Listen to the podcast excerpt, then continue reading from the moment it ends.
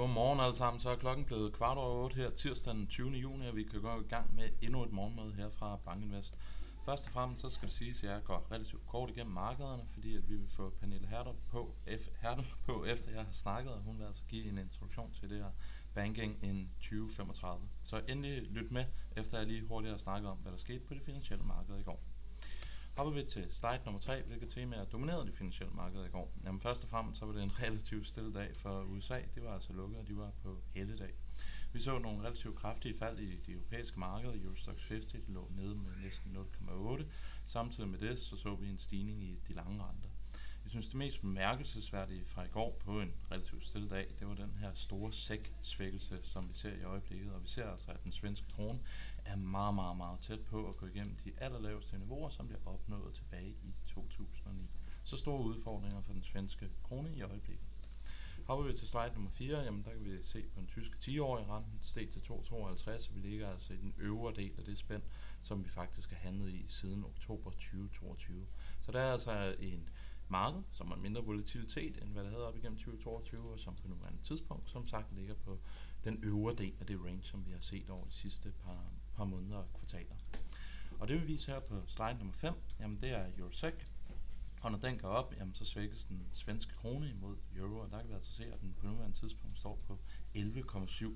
Da det var aller værst tilbage i 2009, så var vi hele vejen op på 11,8. Så vi er altså tæt på at gå igennem de niveauer igen.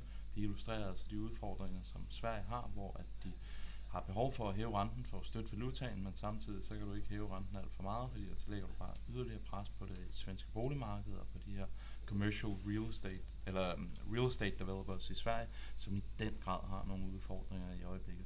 Så en svensk krigsbank, som er fanget mellem en sten og et, øh, og et hårdt sted i øjeblikket. Hopper vi til slide nummer 6, jamen så kan vi konstatere, at BNP-forventningerne for USA de fortsat revideres op for 2023, men samtidig med at vi ser det, jamen så revideres de ned for 2024. Så det er altså sådan en generel tendens, vi ser i øjeblikket med, at folk på et eller andet plan udskyder sandsynligheden for en recession fra 2023 til netop ind i 2024. Den sidste graf, jeg har taget med i dag, det er sentimentet. Nu har vi snakket meget omkring de private investorer i USA, men hvis vi begynder til at blive financial advisors, som bliver målt op igennem den her Investor Intelligence, så kan vi altså se, at Bull Bear indikatoren den sted til 32,8, og det er faktisk det højeste niveau, vi har set siden 2021. Så det er altså lidt en illustration på, at der begynder at være noget rigtig bullish stemning ude i markedet, i diverse lommer af markedet, Øh, og det illustrerer altså, at der er flere og flere, som også begynder at tro på, at vi nu er på vej ind i et måske lidt mere længerevarende boligmarked. Hvad kommer i fokus i dag? Øh, det bliver altså også desværre en relativt stille dag i dag. Vi får lidt tal fra det amerikanske boligmarked, og så får vi igen de amerikanske investorer tilbage fra ferie.